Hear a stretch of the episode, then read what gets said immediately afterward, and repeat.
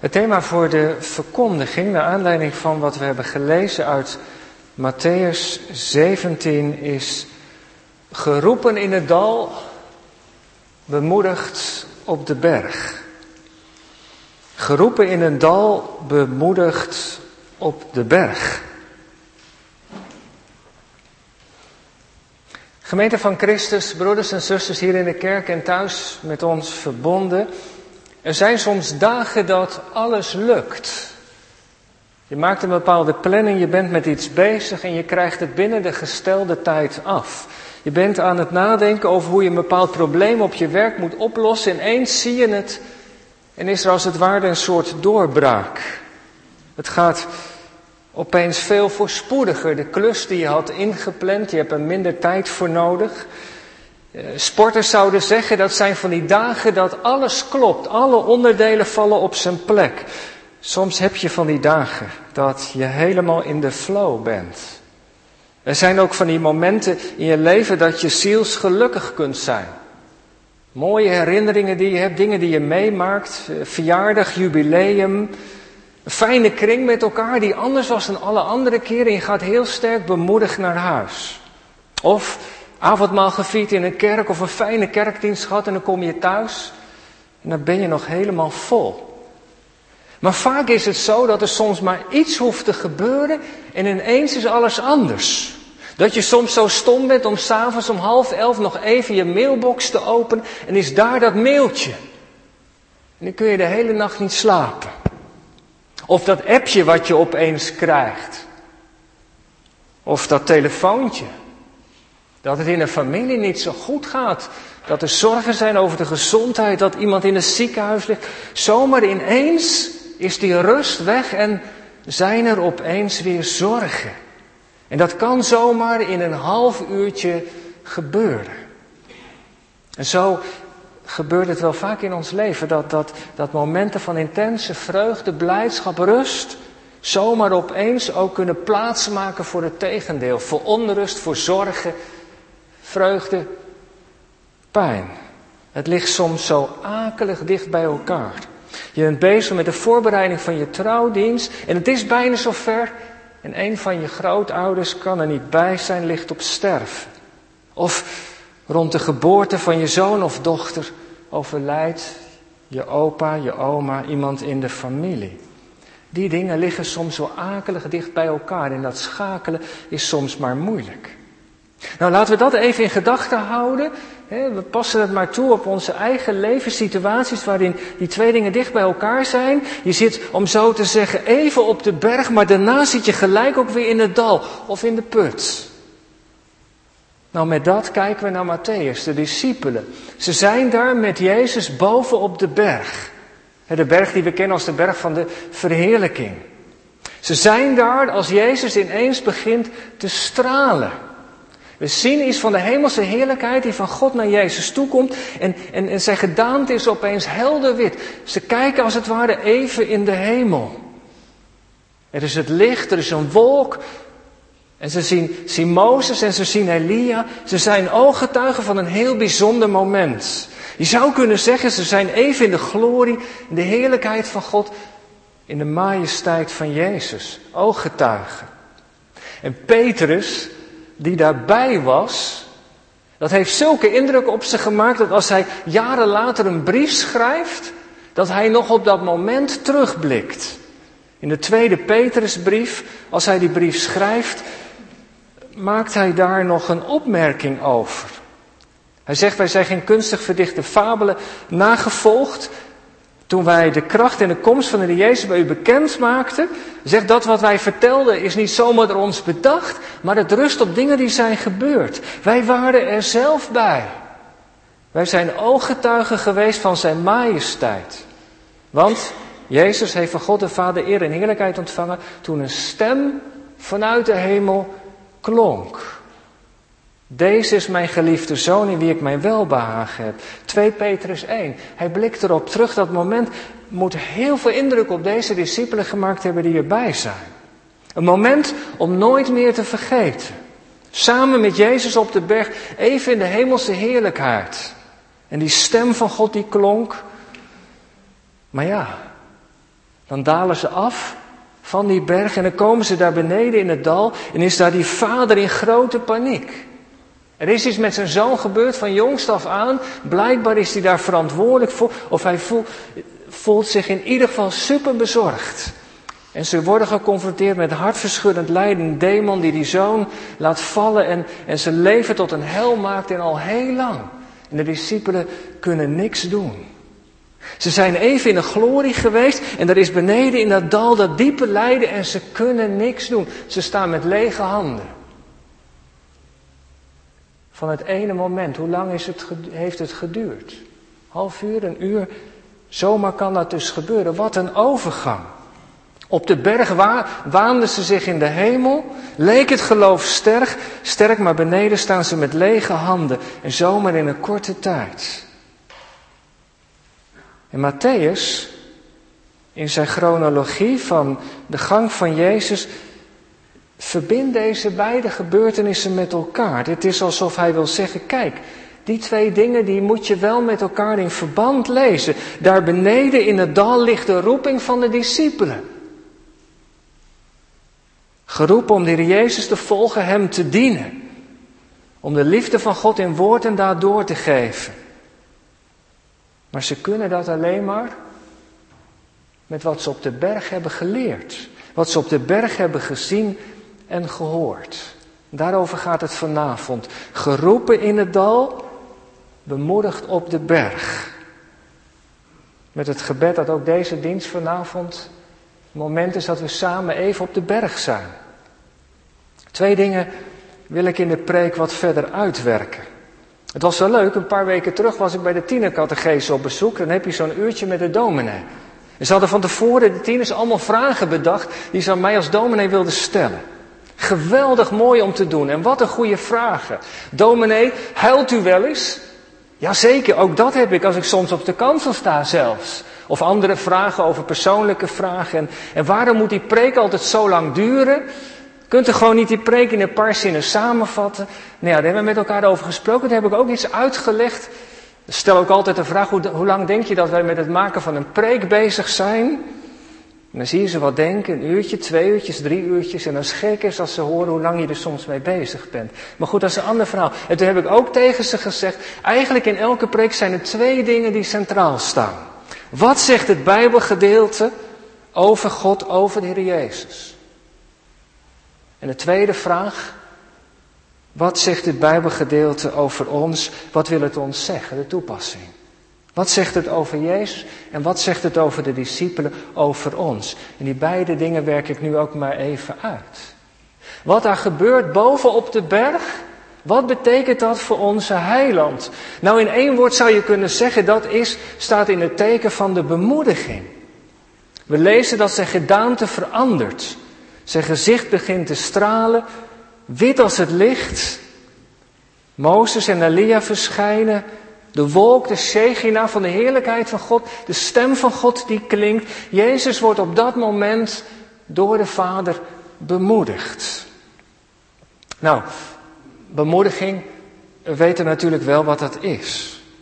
Als de weg, levensweg die je gaat moeilijk is, wat kan het soms je dan helpen als iemand tegen je zegt, joh, ik bid voor je. Als iemand een luisterend oor heeft. Als er zomaar vanuit het woord een bemoedigende tekst is of die preek was precies voor jou. Dan kun je weer even verder. Dan ben je even op de berg en dan kun je zeg maar het leven in het dal of de dag weer, weer verder doorkomen. Soms gebeurt dat ook rond een operatie dat iemand een kaartje stuurt of een appje. En dat zijn de juiste woorden. Bemoediging. Iemand die voor je bidt. De Bijbel staat daar trouwens vol van. Hè? Als Jozua, moest ik aan denken, als Jozua begint aan een nieuwe taak. Als hij geroepen is om Mozes op te volgen en het volk het beloofde land moet binnenleiden. Dan is dat natuurlijk een heel spannend avontuur. Hoe zal dat verder precies gaan? Zullen ze naar mij luisteren? Kan ik de, de honneurs van Mozes waarnemen? En, en hoe ziet die toekomst er dan verder uit? En dan zegt God tegen hem, wees sterk en moedig Jozua, ik ben met je. En als God dat tegen je zegt, ik zal je niet begeven, je niet verlaten. In de Hebreeuwse kantlijn staat er, ik zal je niet niet begeven en ik zal je niet niet, drie keer toe niet verlaten, zegt God tegen hem. Nou, dat zijn woorden die hij nooit meer in zijn leven is vergeten. Of als de Heer Jezus zijn discipelen aan het slot van de Matthäus-evangelie op pad stuurt om het, om het goede nieuws bekend te maken, dan zegt hij, zie ik ben met u alle dagen. De opdracht, de bemoediging. Jezus wordt door de Vader vanuit de hemel op de berg bemoedigd. Had hij dat dan nodig? Ja, dat had hij nodig. Waarom? Nou, dat vertelt Paulus in Filippenzen 2. Jezus heeft het God zijn niet als een roof geacht. Heeft dat God aan God gelijk zijn niet per se willen vasthouden. Maar hij heeft zichzelf, zegt Paulus, ontledigd. Heeft al zijn goddelijke eigenschappen afgelegd om mens te worden hier op aarde. In de gedaante als een mens bevonden is hij gehoorzaam geweest, zegt Paulus, is hij gehoorzaam geweest, ja, tot de dood aan het kruis. Die menswording van Jezus, die kenosis, betekende dat hij alle heerlijkheid had afgelegd. Jezus was niet alomtegenwoordig. Jezus was in die zin niet meer, niet meer alwetend. Bepaalde dingen wist hij niet, wist de Vader alleen. Zijn mens zijn betekende dat hij heel veel dingen had afgelegd. En dan komt hij daar beneden in het dal in een wereld die hij van huis uit niet kende. In een stoffige wereld waar mensen ruzie maken, waar oorlog is, waar conflicten zijn. In die wereld daalde Jezus af. En hij was een mens geworden, net als wij, zonder dan te zondigen. En in die aardse werkelijkheid, in die menswording, vanwege die kenosis had Jezus dat dus ook nodig. Dat de Vader hem bemoedigde. En dat is een bijzonder moment geweest. Het wordt maar twee keer verteld. Twee keer heeft de Jezus in zijn, zijn, zijn leven op aarde een hemelse ondersteuning gehad. U weet het vast nog wel. De eerste keer was bij zijn doop. Als dan Johannes die boeteprediker predikt en als hij de mensen oproept een oude leven af te leggen en zich daarvan te bekeren en hij staat er bij de Jordaan om ze te dopen, dan komt er ook Jezus. En Jezus gaat in die rij staan van al die zondige mensen. Hij maakt zich één met hen. Nee, nee, u moet niet gedoopt worden. Ja, zegt Jezus, ik moet diezelfde weg ook gaan. Dat was de weg van de eenwording met ons mensen. Hij heeft zich één gemaakt met ons in ons zondige bestaan. Hij die zonder zonde was, is voor ons tot zonde gemaakt, zegt Paulus. Daar staat hij in de rij en dan wordt Jezus ook gedoopt. En als hij dan gedoopt wordt, dan, dan opent de hemel zich. En dan komt de geest naar hem toe en dan klinken daar diezelfde woorden van de Vader. Jij bent mijn geliefde zoon. In jou heb ik mijn welbehagen. Dat moet voor de Heer Jezus een geweldig belangrijke bemoediging zijn geweest. Want hij begon zijn publieke bediening. Hij was gekomen om om, om het koninkrijk van God te verkondigen. Hij was gekomen om mensen te vertellen over de Vader. Hij was gekomen om mensen in het reinen met God de Vader te brengen. En wat betekende dat allemaal voor hem? Dat betekende afwijzing, dat betekende lijden. En uiteindelijk zijn weg naar het kruis. Maar in die weg ontvangt hij aan het begin van zijn bediening de bemoediging van de Vader. En wat is dat kostbaar als de vader tegen de zoon zegt, jij bent mijn geliefde zoon, jij bent helemaal, heel mijn, mijn, mijn, mijn liefde en alles wat, wat ik heb, vind ik in jou. Wat een bemoediging moet dat geweest zijn voor de Heer Jezus. Toen hij aan zijn bediening begon. En nu staat hij op het punt om naar Jeruzalem te gaan, om te gaan sterven. Te midden van die leidersaankondigingen gebeurt het dan dat hij op de berg voor de tweede keer de bemoediging krijgt. We zijn bijna drie jaar later. Jezus is op het punt om naar Jeruzalem te gaan, dat zei ik al, om verzoening te doen voor onze zonden. Dan zal Jezus de strijd aangaan met de macht van de zonde, de dood en de duivel. Hij zal het gevecht gaan waarover de psalmen spraken die we net hebben gezongen. Maar voordat het zover is, komt opnieuw de bemoediging vanuit de hemel. De stem van de Vader. Daar op de berg gebeurt het. Het wordt ook bijzonder beschreven.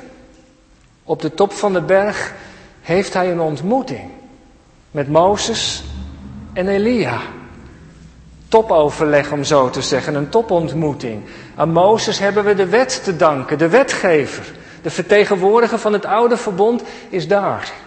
En Elia staat er namens de profeten. Zij zijn degene die de woorden van God hebben doorgegeven aan het volk. De wetgever staat daar en de wethersteller, om zo te zeggen. En ze zijn in gesprek met Jezus. Met beide heeft hij een ontmoeting. Als je erover nadenkt, ook wel bijzonder. Mozes en Elia zijn dus niet dood, maar ze leven. Ze leven bij God in de hemel. Zomaar een paar details, maar ze zijn ook te herkennen. Mozes is Mozes en Elia is Elia. En ze spreken. Ik dacht, wat is dat mooi eigenlijk? Daar zie je al iets wat nou bijzonder is van het christelijk geloof. Dat, wie, hè, dat zijn de woorden die klinken als ze bij het graf staan. Wie in mij gelooft, die zal leven. Ook al is hij gestorven, zegt Jezus. Onze geliefden die in de Heer zijn uh, overleden, die, ze, die zijn, liggen niet dood in het graf, maar die zijn in de tegenwoordigheid van God. Met die hele schade. De wolk van getuigen waar Hebreeën over spreekt. Daar zitten ook Mozes en Elia. Al die mensen van het oude verbond die hun vertrouwen op de Heer hebben gesteld. Ze zijn daar. Ze leven in de tegenwoordigheid van God. Bijzonder. Daar kom ik zo op terug. Maar dat zal voor de discipelen ook belangrijk geweest zijn. Om dat te zien. Mozes en Elia. En ze spreken met, met Jezus. Ik, zou, ik had wel willen weten waarover ze met elkaar hebben gesproken. Matthäus vertelt dat verder niet. En Lucas is wat explicieter. Die zegt dat ze gesproken hebben over de exodus die Jezus zou gaan doen. Dat, dat, dat woordje wordt er gebruikt. Zoals, zoals, zoals, zoals Mozes het volk Israël mocht leiden naar het beloofde land. Zo is hier de tweede Mozes. Die, het, die, die de mensen gaat verlossen van hun zonde. Die ze gaat uitleiden uit het slavenhuis. Uit het huis van de dood en de macht van Satan. Misschien heeft Mozes daar wel over gesproken. Over al die woorden van God die over het volk zijn uitgestrooid. Die wetten, de geboden en de beloften. Maar ook over de ongehoorzaamheid van Israël daaraan. Elia zal verteld hebben hoe vaak de woorden van God hebben geklonken, maar wat het volk Israël daarmee heeft gedaan. En ze zullen met Jezus ongetwijfeld hebben gesproken over zijn bijzondere roeping, de weg die hij nu moest gaan. Ze waren roepen in de woestijn geweest, maar nu is daar Jezus, de geliefde zoon van de Vader. Hij gaat de weg. De weg van het offer, de weg van het kruis. Ze zullen daar met Jezus over hebben gesproken, dat dat de enige weg was voor ons tot redding en tot leven. En dan, en dan klinkt daar de stem van de Vader. Op dat moment, als de weg wordt in dat gesprek oplicht en, en, en scherper wordt. Als Jezus wordt bevestigd in datgene waarvoor hij is gekomen, klinkt de bemoediging van de Vader. Jij bent mijn geliefde zoon. Toen hij aan zijn bediening begon. En nu, nu hij naar het sterf gaat, klinkt voor de tweede keer die stem. Want als Jezus die weg niet gaat, dan is er geen redding. Dan is alles verloren, dan is het over en uit. En dat is een moeilijke weg. Wij kunnen ons niet bevroeden wat die weg voor Jezus betekent, maar de Vader weet het wel. En hij bemoedigt zijn zoon. Dit is mijn zoon, jij bent mijn zoon. Mijn welbehagen is op jou. Ga maar die weg die je moet gaan. En Jezus is die weg gegaan die ons redding bracht en leven. De overste leidspan, zegt de Hebreeën, voor einde van het geloof. Voor Jezus dus, op de berg, een bemoediging, een bevestiging van zijn roeping. Ga die weg maar van de Exodus. De weg naar het kruis. En Jezus is die weg gegaan. En dan die tweede vraag, wat betekent dat voor de discipelen? Ze zijn erbij. Peters later nog, wij zijn ooggetuigen van wat er op die berg gebeurde. Nou, voor de discipelen betekenen het twee dingen, denk ik. Allereerst natuurlijk ook, net als voor Jezus, die bemoediging. Ze zijn met hem op de berg. Ze zien hetzelfde. Mozes, Elia, ze zien de hemelse heerlijkheid. De wolk is daar. God is tegenwoordig. En wat zal dat met ze gedaan hebben? Ik kan niet anders dan dat ze daar ook bijzonder door zijn geraakt en bemoedigd. Want hun dagelijkse leven, die drie jaar dat ze met Jezus waren opgetrokken, waren ze in het dal. Daar speelde van alles. Ze hebben hun meester zien lijden, ze hebben tegenwerping gehad. Ze hebben zoveel dingen meegemaakt. Ze waren geroepen om een kruis op zich te nemen. Te midden van mensen waren ze die ziek zijn, die God niet kenden, mensen die open stonden, mensen die afwijzend stonden. En als je dan die gebrokenheid ziet, dan doet dat wat met je. Ook de discipelen. Na de opstanding, voordat Jezus ze uitzendt, sommigen zaten nog vol twijfel. De twijfel komt zomaar op. Of de aanvechting. Zoals later ook bij Johannes. Bent u nou degene die komen zou? Is het nou waar wat u hebt gezegd? Of moeten wij toch nog iemand anders verwachten? Dat zijn vragen die discipelen zomaar kunnen hebben. Vragen die we natuurlijk zelf ook wel herkennen. Toch? In het geloof, met alles wat er in de wereld speelt, wat alles wat er in ons eigen leven kan spelen, zijn er zomaar van die stemmen die het doen twijfelen, die aan het twijfelen brengen. In dat traject op weg naar beleidenis, misschien wel. Je bent bezig de keuze te maken, je hebt de keuze al gemaakt. Zou ik het doen, zou ik het niet doen? Misschien op je werk wel, of die lastige omstandigheden in het gezin, in je familie. Die dingen die maar niet verandert, veranderen. In het groot natuurlijk in de wereld, dat kan die, die oorlog in Oekraïne ook oproepen. O Heere God, als u nou de regie hebt en het plan, wat zien wij daar eigenlijk van? Wat heeft het met deze discipelen gedaan dat ze even op die berg waren? Ik denk dat ze werden bevestigd. Bevestigd in het feit dat er een hemel is. Bevestigd in het feit dat Mozes en Elia niet dood zijn, maar leven. Bevestigd in het feit dat er een God is die spreekt. Een God die een plan heeft. En weet, weet je, weet u, ik hoop en ik bid dat zo'n kerkdienst, zoals vanavond, ook voor ons zo'n moment is dat we samen even op de berg zijn. Soms gebeurt het, Heer, dat je aan het zingen bent en dat je hart zo wordt geraakt. Of door iets wat je hoort of wat je meemaakt. En dat je denkt, ja, zo is het. Dit is wat ik mag geloven. Soms heb je dat bij een avondmaalsviering, soms op een kringavond of zomaar in een gesprek op categorisatie met je mentor. Of als je aan het zingen bent, dat je even boven de omstandigheden wordt uitgetild en ja, het is waar. Jezus is het. De hemel is echt. Ik vergis me niet.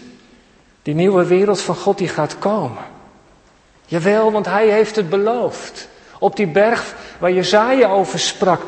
Daar, daar, daar werd gesproken dat op die berg God zelfs de dood zal vernieten. Dat er geen tranen meer zullen zijn. Die momenten dat je in de kerk bent, even in de berg, dat je dat weer hoort. Maar God heeft een plan. Hij laat niet los wat zijn hand begon. Dat koninkrijk dat komt. Ook al zie je daar in het dal soms nog zo weinig van. Op de berg is er de bemoediging de versterking. Wat ze hebben gehoord over Mozes en Elia blijkt waar te zijn. Ze zijn er nog in de tegenwoordigheid van God. En God is er ook. Hij spreekt. Wat er ook beneden op het, in het dal allemaal gebeurt.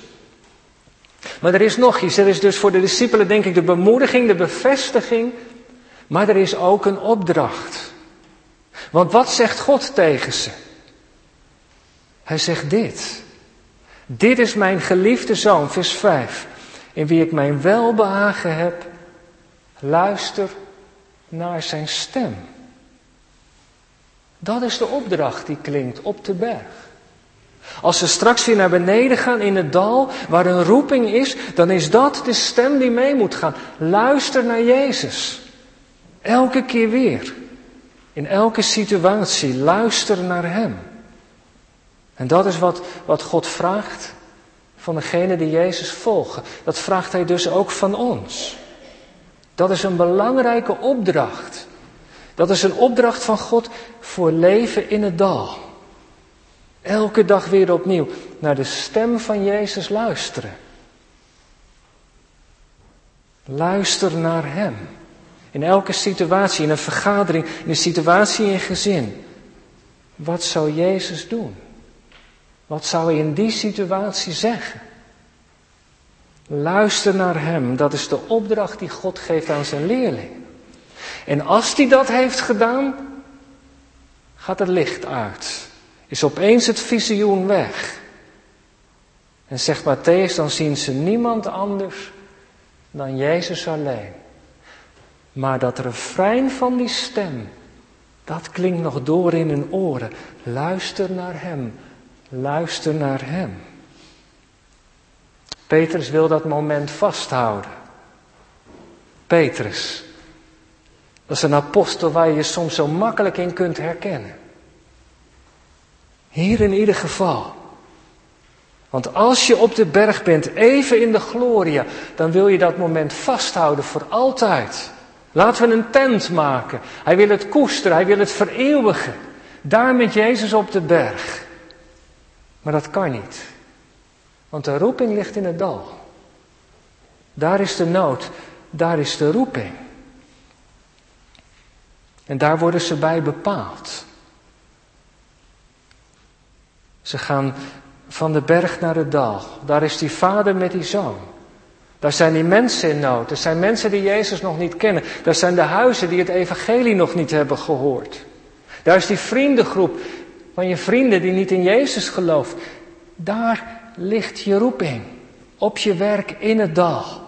In het omzien naar mensen die God op onze weg brengt. De mensen uit Oekraïne die hier in Gouda terecht zijn gekomen. De mensen uit Afghanistan misschien, op wat voor manier ook. Maar dat is de roeping. Maar die stem, dat refrein dat klinkt, dat gaat eraan vooraf. Luister naar Hem. En wat zegt Jezus dan? Matthäus geeft dat ook aan. Als de Vader zegt, luister naar Hem, zijn discipelen diep onder de indruk, vers 6. Ze werpen zich op de grond, ze zijn bang. Maar vers 7, dan komt Jezus. En Jezus komt naar ze toe. Hij raakt ze aan. En het eerste wat hij zegt, de vader had gezegd, luister naar hem. En het eerste wat Jezus zegt, sta op en wees niet bang. Sta op. We gaan naar beneden. Sta op. Neem je roeping ter hand. Sta op. dat is de opstandingskracht al die zichtbaar wordt. Sta op en ga doen waartoe God je hebt geroepen. Is het een lastige opdracht daar beneden in het dal? Jazeker, maar wees niet bevreesd. Waarom niet? Omdat Jezus erbij is. Dat is het. Zie, ik ben met u alle dagen tot aan het einde van de wereld. Omdat Jezus erbij is. Omdat wat Hij gezegd heeft waar is. Bergen zullen wijken, heuvelen zullen wankelen, maar mijn goedheid, mijn trouw zal niet wankelen, die blijft. Bergen zullen wankelen, omdat er één berg niet gewankeld heeft. En dat is de berg, de heuvel van Golgotha, waar Jezus straks zijn leven zal geven. Daar is het fundament van ons heil gelegd. Daar is de overwinning behaald over de macht van de zonde, de dood en de duivel. Daar is het fundament van ons heil gelegd. En dankzij wat Jezus straks gaat doen, kan niemand, kan niets ons meer scheiden van de liefde van Christus. En zijn al Gods beloften in Hem. Ja en amen. En zo klinkt vanavond dit woord ook naar ons. De Vader zegt tegen ons, luister naar Hem. En het eerste wat Jezus zegt is, sta op. Wees niet bevreesd. Want we zijn geroepen in het dal om onze heiland te volgen met vallen en opstaan. Maar bemoedigd op de berg, daar waar het beslist is, waar al Gods woorden ja en amen zijn. We hoeven niet bang te zijn. Er is een lied dat zegt op u alleen, mijn licht, mijn kracht stel ik mijn hoop. U zorgt voor mij door de golven heen, door storm en nacht, leidt mij uw hand. U blijft nabij. Uw vrede diep, uw liefde groot. Verjaagt mijn angst, verdrijft mijn dood. mijn vaste rots, mijn fundament. U bent de grond waarop ik sta. Sta op, lieve broeders en zusters. Wees niet bevreesd. Amen.